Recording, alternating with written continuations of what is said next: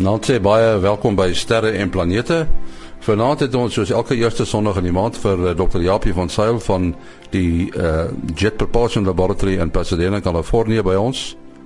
Die gewone span Willie Koorts van die SAAO en professor Mati Hofman van die Universiteit van die Vrystaat is natuurlik ook op hulle pos. En natuurlik Kobus Olkers, ook in Amerika in Florida met nuus oor die son. Maar voor al hierdie dinge, eers ruimte nuus wat geskryf is deur Herman Torin in Bloemfontein.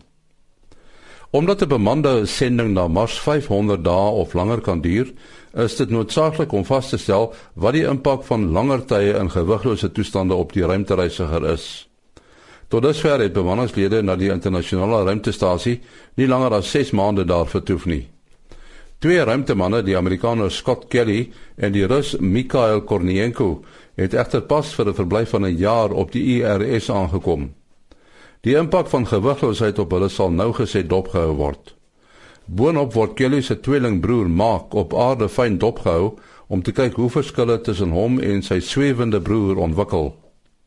Die tweeling word reeds van voor die lansering gemonitor en die monitering sal voortgesit word na Scott uit die ruimte teruggekeer het.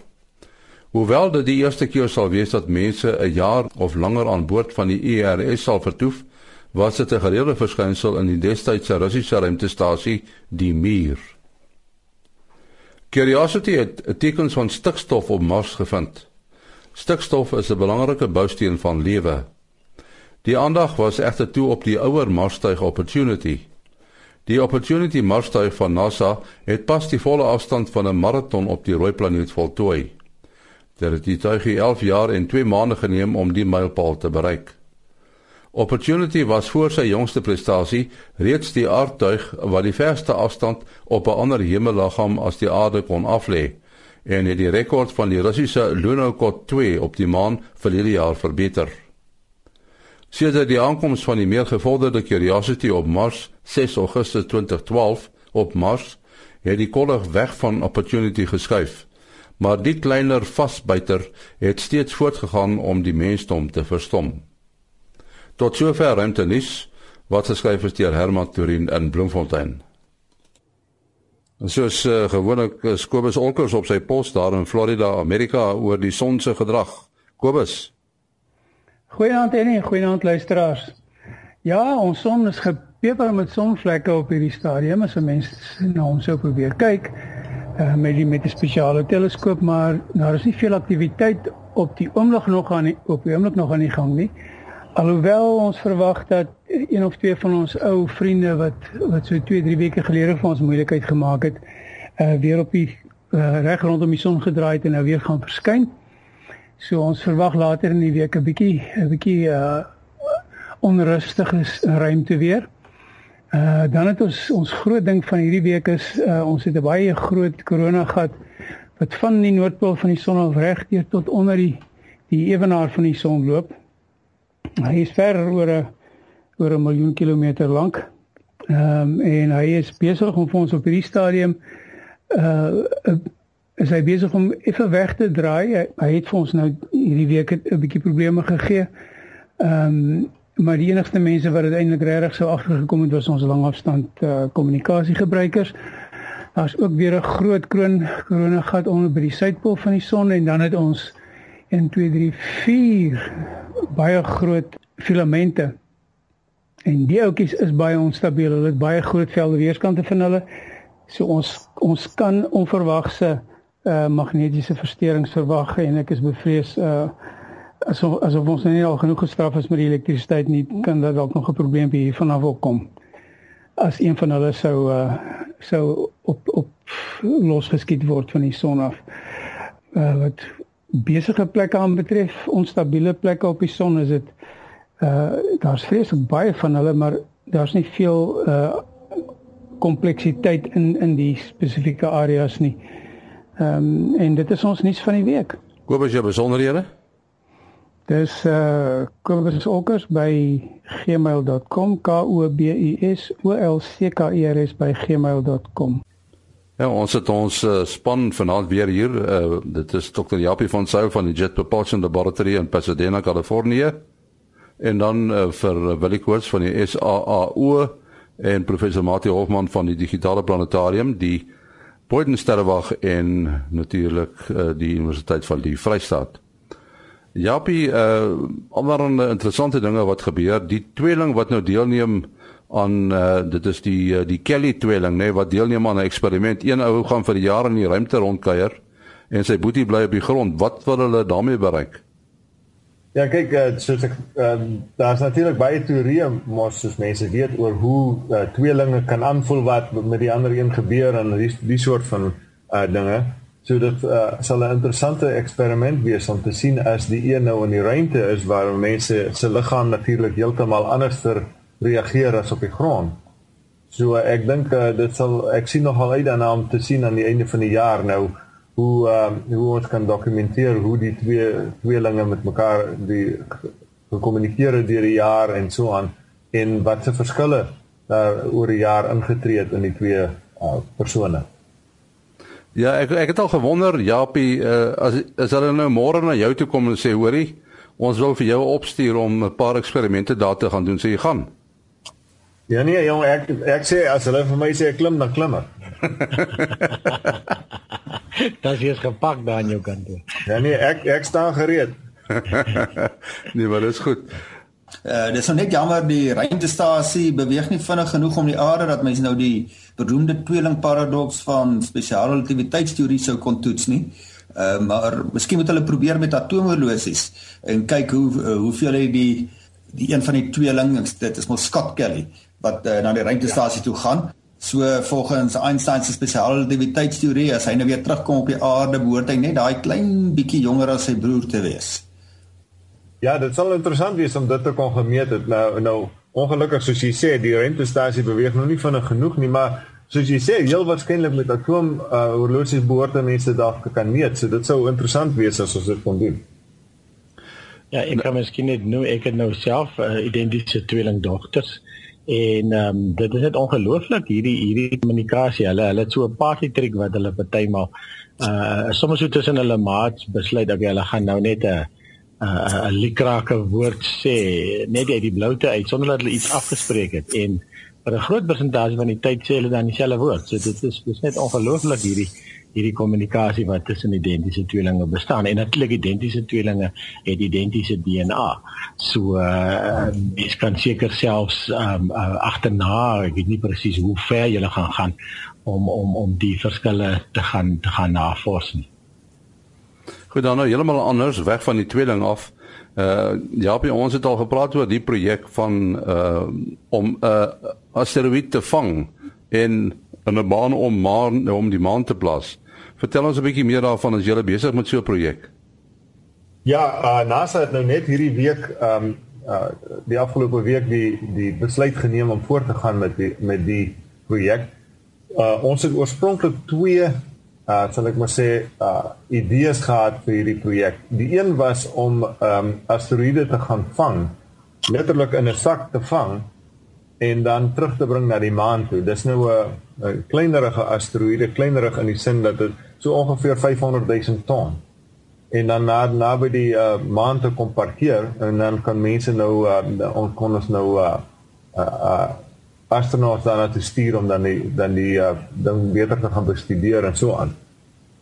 Die ander konsep wat ons na gekyk het was om op 'n uh, asteroïde te gaan land en dan 'n kleiner uh, sal ek maar sê 'n groot klip, so ongeveer 3 meter of so in deursnit van die ding af terug te bring en dit dan naby die maan te gaan los. Nou uh, toe ons nou vir 'n jaar lank het ons die twee konsepte bestudeer hierso En uh, NASA het nou die laaste week aangekondig dat hulle uh, die die tweede een sal kies. Die groot rede waaroor ons die tweede een wil kies in plaas van om net 'n groter te ontvang en nader nader na die maan te bring, is uh, NASA beplan natuurlik om in die toekoms mense na Mars te stuur en so aan. En uh, ons sal um, hierdie tweede konsep het meer wat sogenaamde extensible pad vir ons om uh, mense vorentoe Mars te vat as jy nou op die maan van van Mars Phobos wil gaan land eers en so aan. So uh, dit sal 'n heel interessante ding wees. Hulle het nou net uh, soos ek sê die besluit geneem en in uh, JPL is die NASA uh, center wat nou die projek sal um, bestuur en en dan uh, jy weet uh, lei vir vir NASA.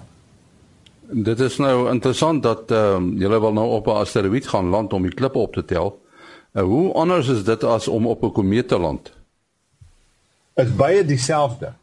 Die die groot verskil tussen uh, om op 'n komeet te land en of, of 'n asteroïde te land, veral as dit 'n kleinerige voorwerp is. Jy net net 'n paar kilometer in deursnit sê nou maar.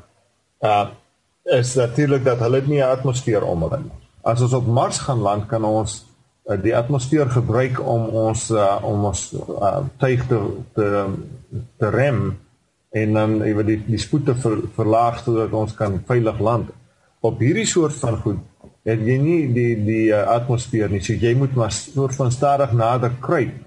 En een van die probleme wat die wat die luisteraar seker kan onthou met die uh, Europese landing op die op die uh, komeet was dat hulle weer weer opgestyg het. Hulle het soort van weggebons van die van die ding af. Nou oorspronklik het hulle 'n harpoen gehad wat sou ingeskiet het. Maar die ding het blykbaar nie so uh om om hulle te anker soort van. So dis 'n dis 'n dis 'n baie interessante en 'n en 'n baie moeilike ding om te doen om op so 'n uh, sogenaamde uh airless uh, body te gaan land want jy het nie die ander voordele wat jy die atmosfeer kan gebruik en so aan nie. En dan die ander ding is natuurlik hulle swaartekrag is baie klein. So jy nie uh, dat so maklik dat jy daarop kan land en vas sal sit nie. Jy jy sal soort van boms en en weer weer opstyg as jy nie pas op nie. Jy kan nie te vinnig kom land nie en so aan. Ek sit nou net hier en wonder uh ja, ek bedoel nou van 'n uh, asteroïde wat nou nie so groot uh, so groot is nie, maar dit is nog steeds uh baie baie tonne uh in terme van massa. So uh, 'n ruimtetuig wat nou tot daarso moes reis, gaan kom sê nou maar 'n uh, ongeveer 'n ton, 'n metrieke ton wees. Uh nou wat 'n soort aandrywing sal mens kan uh, moet gebruik om dan nou so 'n enorme massa in vergelyking met die ruimtetuig self in die rigting van die maan te stoot. Dit, dit is tog mos nie 'n geringe taak nie. Is dit weer van daardie 'n nuwe tegnologie die ioon-aandrywing wat jy gebruik gaan maak daarvoor? Dis reg, ons sal weer van die ioon-aandrywing gemaak uh, uh, um, gebruik maak. Dis dieselfde een wat ons met die met die Dawn spy uh, satelliet gebruik om uh, wat nou by series aangekom het en en in onwentelbaan om series gegaan het. Die voordeel van aan die een kant as jy wil land is die gebrek aan swaartekrag 'n probleem. Maar die voordeel is is wanneer jy wil opstyg, is help dit jou natuurlik weer. So dan jy nie so verskriklike sterk vuurpyl nodig om om van hierdie kleiner voorwerpe af weg te gaan nie. So hierdie ioon-aandrywing is is die mees effektiewe effektiewe manier vir ons om dit te doen. Jy het nie so 'n verskriklike stiekrag op op een oomblik nie, maar jy kan stadig versnel en weg en soort van wegdryf van hierdie voorwerp af en dan kan ons terugkom na die maan toe op die manier. Ja, ek neem aan die die die, die wendelbaan in die maan om om om in die wendelbaan om die maan te gaan gaan gaan ook nou dan uh, is die um, ioon aandrywing seker te swak so dan moet jy seker maar van konvensionele maniere gebruik maak maar dan moet jy nou weer skielik jou spoed afbring om om in 'n wendelbaan te gaan neem ek aan. Uh ja, maar uh, ons gaan op 'n op 'n sogenaamde retrograde baan wat redelik ver van die maan af is. So wat jy wat jy nou genoem het as as ons baie naby aan die maan in 'n wentelbaan wil gaan, dit sou dit sou jy redelik heel wat meer uh remkrag nodig gehad het. Maar om, omdat ons in 'n redelike ver van die van die maan af gaan bly, jy glad nie so verskriklik baie krag nodig nie. Maar hierdie ion masjiene wat ons nou gaan gebruik die engines wat ons gaan gebruik vir hierdie ehm um, ehm um, sending gaan heelwat sterker wees as wat ons byvoorbeeld vir Dawn gebruik het. Hulle gaan so ongeveer 100 kW gebruik. So dit gaan uh, dit gaan 'n redelike sterk engine wees waarmee ons dan uh, uh selfs om in die baan om die maan kan gaan. Sjoe, so die 100 kW moet jy dan uit uit sonkrag ontwikkel? Ons ons gaan sonkrag gebruik om uh, om die ehm uh, engine aan te dryf. Sjoe. So dit gaan groot groot sonpanele nodig hê. Die tydperk waaroor so 'n sending dan nou uitgevoer kan word om nou eerstens die asteroïde te gebruik en dan nou uh van daar uiteindelik weer by die maan uit te kom. Is dit 'n kwessie van jare wat dit gaan duur of 'n uh, paar maande? Nee, dit gaan dit gaan jare duur. uh 'n mens moet natuurlik nou die die twee dinge te mekaar afspeel. As jy dit baie vinnig wil doen, dan jy groot uh, groot vuurpyle nodig om vinnig terug te kom en vinnig om die maan te gaan. Uh dis baie baie duur. Uh aan aan die ander kant jy weet jy moet wag vir die asteroïde om in die regte plek te kom om by hom te kan uitkom om om, om mee te begin. So ons beplan om in in uh, in die omgewing van 2022 of 2024 afhangende van watter asteroïde ons na toe gaan te lanseer en dan sal dit ongeveer 'n jaar of twee vat om daarby uit te kom en wanneer ons dan die ehm um, die voorwerp opgetel het en dan sal ons uh, ongeveer 'n jaar en 'n jaar en 'n half afhangende van waar vanaf ons terugkom neem om terug te kom by die maan. Dis seker nou 'n interessante ding om te kies watter asteroïde jy gaan gebruik. Wat van een van hierdie sogenaamde NEOs, the near earth objects? Ja, dis spesifiek die uh, van 'n uh, NEO waar ons na gaan na na toe gaan want uh, as jy moet al die pad uitgaan na die asteroïde uh, belt toe dan is dit um, dan dan gaan baie baie langer neem. So ons gaan een van hierdie sogenaamde near earth objects gaan ons probeer uh, na toe gaan en op hulle gaan land uh, ons uh, doen nou nog steeds 'n uh, uh, uh, soektog om seker te maak dat ons uh, goeie um, kandidate het. Daar is 'n paar wat ons kan gebruik, maar ons probeer nog steeds kyk, uh, weet, dis is in elk geval vir ons 'n goeie ding om te weet van al hierdie goed wat naby die aarde verbykom. Uh, so ons hoop om nou dalk nog 'n beter um, kandidaat te kry voordat ons lanseer. Ja, dit is nou al moeilik nee want uh een van die uitdagings is om hierdie goed betyds te identifiseer en dan al die dinge te doen of hoe? Ja nee, vir alles mense dink aan om die aarde te beskerm, dan moet ons die tegnieke ontwikkel om hulle betyds te sien aankom. Uh die ene wat byvoorbeeld 'n jaar of so gelede in Rusland geland het, hy het natuurlik op ons afgesniekie van die son se kant af. Ons het hom nie gesien kom nie. So ehm um, daar's daar is heel wat van hulle wat ons nog nie van weet nie. Uh Curiosity is baie stil. Ons hoor nie veel van hom nie. Is daar interessante dinge aan die gang daar? Ja nee, Curiosity is nou op 'n nuwe ehm um, plek besig om uh metings te doen. Ons het 'n bietjie van 'n probleem gehad in ons boor op 'n stadium. Uh dit het gelyk asof as uh, terwyl ons boor daar uh, nou en dan kortsluitings gebeur maar ons uh, nou dink ons sal nou nog vir hele rukkie dam kan boor voordat die ding op die ou en dis nou met die hamer deel van die boor sal ek maar sê wat ons wat ons die probleme het om net die boor te draai is nie 'n probleem nie. En gelukkig is die klippe op Mars sagter as wat ons gedink het dit is so dit dit is dan nie heeltemal onmoontlik om net met die die draai deel van die boor nog steeds kan uh, materiaal uit die klippe uit te kan kry nie. So ons hoop om weer binne die volgende paar weke 'n nuwe nuwe uh, bevindinge hier bekend te maak. Uh, hoeveel jaar waarborg het julle op daai boor? Maar kyk, ons het die, die probleem is ons het natuurlik nuwe boorpunte en goed saamgevat. Die ding kan self sy boorpunte self omruil en so aan. Ons gedagte die boorpunte sal sal uitgewerk raak want ons het verwag dat die klippe baie harder gaan wees. Uh maar ons het um hier op toetse gedoen op die aarde en uh, ons het die soort die 'n soortgelyke probleem gesien. Dit is natuurlik wanneer mense op Mars boor, die die toestande daar is ongelooflik koud. Uh en uh en dan die drade se insulasie is is 'n bietjie van 'n probleem. So as jy nou met hierdie ding vreeslik hamer in te kere gaan oor die tyd dan skaaf 'n bietjie van die insulasie af. En so dis nou die probleem wat nou daar gebeur het.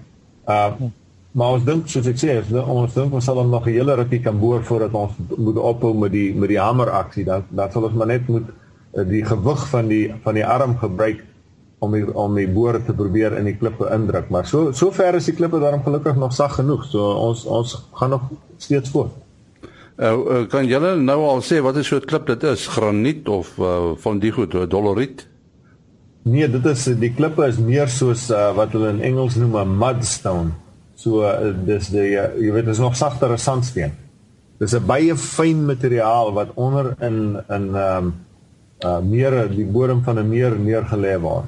So dis 'n baie fyn materiaal, is 'n silt materiaal wat waarvan die klippe gemaak is. So dit sê eintlik dat daar meer was. Ja, nee, definitief. Daar was 'n meer in die omgewing die die die bodem van ehm um, Gale krater was definitief meer gewees. Ja, die groot vraag is nou wat het van die water geword, nee? Ja, natuurlik. Dis natuurlik die vraag wat ons hoop om nou nog te uh, te beantwoord soos wat ons tot in die berg opgaan. Ons ons bestudeer nou die klippe om te kyk of hulle, jy weet, watter hoeveelheid water was daar in die omgewing toe die klippe gevorm is. En hopelik soos wat ons teen die berg opry en nou jonger en jonger formasies bestudeer, sal ons op die oomblik kan agterkom wanneer die die die uh, toestande verander van 'n nat meer omgewing tot uh, woestyn wat dit vandag is. Ja, uh, sou dit alles varswater gewees het of daar aanduidings dat dit ook uh souterige oseane kon gewees het. Die omgewing waarin ons nou boor uh in, in sover op waar curiosity is lyk asof die water baie vars was. Om die waarheid te sê die die uh die skatting is as ons daar was ons die water kon gedrink het. So dit is baie vars water. Um uh, waar opportunity aan die uh hele end weg op Mars uh die die aarde die die deel daar bestudeer het daar lyk dit asof die water baie sout, meer brak water was. So dit dit is 'n uh, uh, dis twee verskillende omgewings. En en is hy nou nog steeds besig om teen Gale krater uit te ry? Uh tamelik skuins is dit nie? Ja, kyk, ons het nou uh, ons is nou sal ek maar sê by die by die voet van die berg. So so so ons nog die ouens hier gesê het ons het geland en toe het ons eers links gedraai en en na die meer toe gegaan waar die meer was. Maar kyk, die die oorspronklike doel van Curiosity was om te om vas te stel of die omgewing die toestande op Mars uh, wel so was dat lewe kon bestaan het daar. En dit was nou 'n goeie ding om eers links te gaan en en in 'n soort van meer bodem in te gaan, sal ek maar sê. En daar het ons baie vinnig vasgestel dat die toestande wel so was dat lewe kon bestaan. En soos ek sê, daar was baie water. Al die uh, chemiese um bestanddele wat jy nodig het om lewe te ondersteun is daar en so aan. So ons weet definitief dat um die daardie omgewing kon lewe uh, kon daar bestaan het. En toe ons nou daarvan af weer moes al die pad terugry om na by die berg uit te kom. So dit baie langer gevat om by die berg uit te kom, maar dit is so dit was vir ons 'n uh, soort van 'n sekondêre um doel om te kyk wanneer die toestande verander. Dit was baie meer belangrik vir ons om to, om vas te stel of die toestande wel lewe kon uh ondersteun het daar. Ja, net 'n interessante vraag ja, ek het uh, terwyl jy nou na die opportunity uh, verwys het, uh ek het verstaan hy het uh die eerste tuig of wel uh, vir 'n robotiese tuig 'n uh, nuwe rekordtyd uh, vir 'n maraton uh, geneem om 'n maraton daar op Mars af te lê. Uh wat was die tyd geweest? Ja, kyk ons het nou net nie eh, die eh, so ongeveer 2 weke gelede het ons nou die 42.2 km merk verbygesteek daar met um, opportunity nou. Nou dit gee vir jou nou 'n idee hoe stadig dinge gebeur op Mars. Ons is nou al 10 jaar daar natuurlik. Uh 11 jaar amper met uh, meer as 11 jaar om die waarheid te sê met met uh, opportunity en ons het 42 km gery. So 'n mens moet maar nie ongeduldig wees as jy op hierdie met hierdie dinge werk nie. Wel, ja, maar as jy nou as jy nou vat dit is nou 'n tuigie wat oorspronklik bedoel was om om om 3 maande te hou. So dan is dit net ongelooflik, né? Nee? Ja, dis natuurlik die groot ding. Hy was veronderstel om 90 dae te werk. Uh en uh, hier is ons 11 jaar later en hy werk nog steeds. Maar nou die interessante ding is as ek altyd met my studente by Caltech um gesels omtrent dit dan dan uh wys hulle my daarop dat dit natuurlik ook dan 'n uh, 'n uh, sogenaamde um, failure of design is as jy so lank aanhou as jy net 90 dae veronderstel was om te hou. dit is andersom, dit is 'n positiewe fout. ja, ja, dit is 'n positiewe nou, fout. Ek sien nie. Ja. Nou die ouens wat die begrotings moet uitdeel, gaan hulle nie wens dat hy nou een of ander tyd maar uh, moet breek dat hulle nou weer iets nuuts kan doen nie. dit is natuurlik die groot probleem dat as jy nou hierdie hierdie positiewe foute het, jy weet die goed hou baie langer as wat ons beplan het dat hulle oorspronklik sal hou en natuurlik uh op die ou en jy al hierdie ou goeders wat aan die gang is, jy kan niks niks begin nie, maar jy het nie genoeg geld om iets nuuts mee te begin nie. So ja, dit is nogal 'n dilemma vir NASA. Uh as uh, aan die een kant uh solank wat die uh, as wat hierdie uh, uh opportunity byvoorbeeld nou nog produktief is wetenskaplik pro produktiewe resultate lewer, dan wil mense maar so lank as moontlik aan die gang hou. Jy weet as jy dink die inkrementele uh, koste nou om die ding aan die gang te hou is bitter laag in vergelyking om 'n nuwe een daar te bring. Hmm. So dis maar maar dit is 'n dilemma. Elke jaar is dit 'n groot probleem om te om te besluit watter gaan van hulle gaan jy aanhou en so nou en dan moet NASA die moeilike besluit neem om uh, om 'n produktiewe satelliet uh, te stop ja, sodat ons iets anders kan begin. Nou sou mense dit kan gee na universiteit om dit oor te neem nie. Ja, ons het om die waarheid te sê, ons het dit eenslag gedoen met een van ons kleiner ehm um, uh, astrofisika satelliete. Ons het hom in uh, in 'n universiteit vir 'n jaar geleen as jy as jy dit so wil stel. Hulle het uh, genoeg geld ge bymekaar gemaak om hom vir 'n jaar lank aan die gang te hou om nog 'n sekere hoeveelheid metings te doen en toe hulle klaar is daarmee, het NASA die ding um, afgesit. So ja, dit is 'n goeie 'n goeie idee om om al hierdie soort van dinge te probeer om natuurlik nog die die uh, produktiwiteit so lank as moontlik aan die gang te hou. En dan net weer terug na die uh, die rots wat jy wil gaan haal. Moet jy nou bykomende mense aanstel of uh, is daar genoeg kapasiteit daar om aan te gaan met so 'n projek ook? Uh nee, uh, ons sal 'n uh, soort van 'n kombinasie van dinge doen. Ons uh, ons het nie genoeg mense by by JPL self om om hierdie hele ding ook nog uh terselfdertyd met al die ander goeders wat ons moet doen uh uit te voer nie. So wat ons gaan doen is ons gaan met ander dele van NASA saamwerk en en selfs uh kontrakte vir industrie gee. So ons sal 'n paar mense uh aanstel, maar dit sal nou nie in die honderde wees nie. Dit sal ongeveer sê nou 10 of 15 mense dink ek. Is is die omgewing wat ons aan dink en die res wat ons dan sal ons dan met ander NASA se uh, personeel en en ook met met ons industrie saamwerk.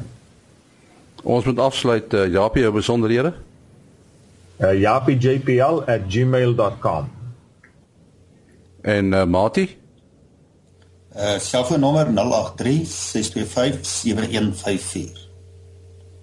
En dan uh, Willie. Uh, ja, selfoon 0724579208. 0724579208. En uh, my e-posadres is maas.henny@gmail.com. maas.henny@gmail.com. Volgende week kuier ons weer saam. Tot dan. Mooi loop.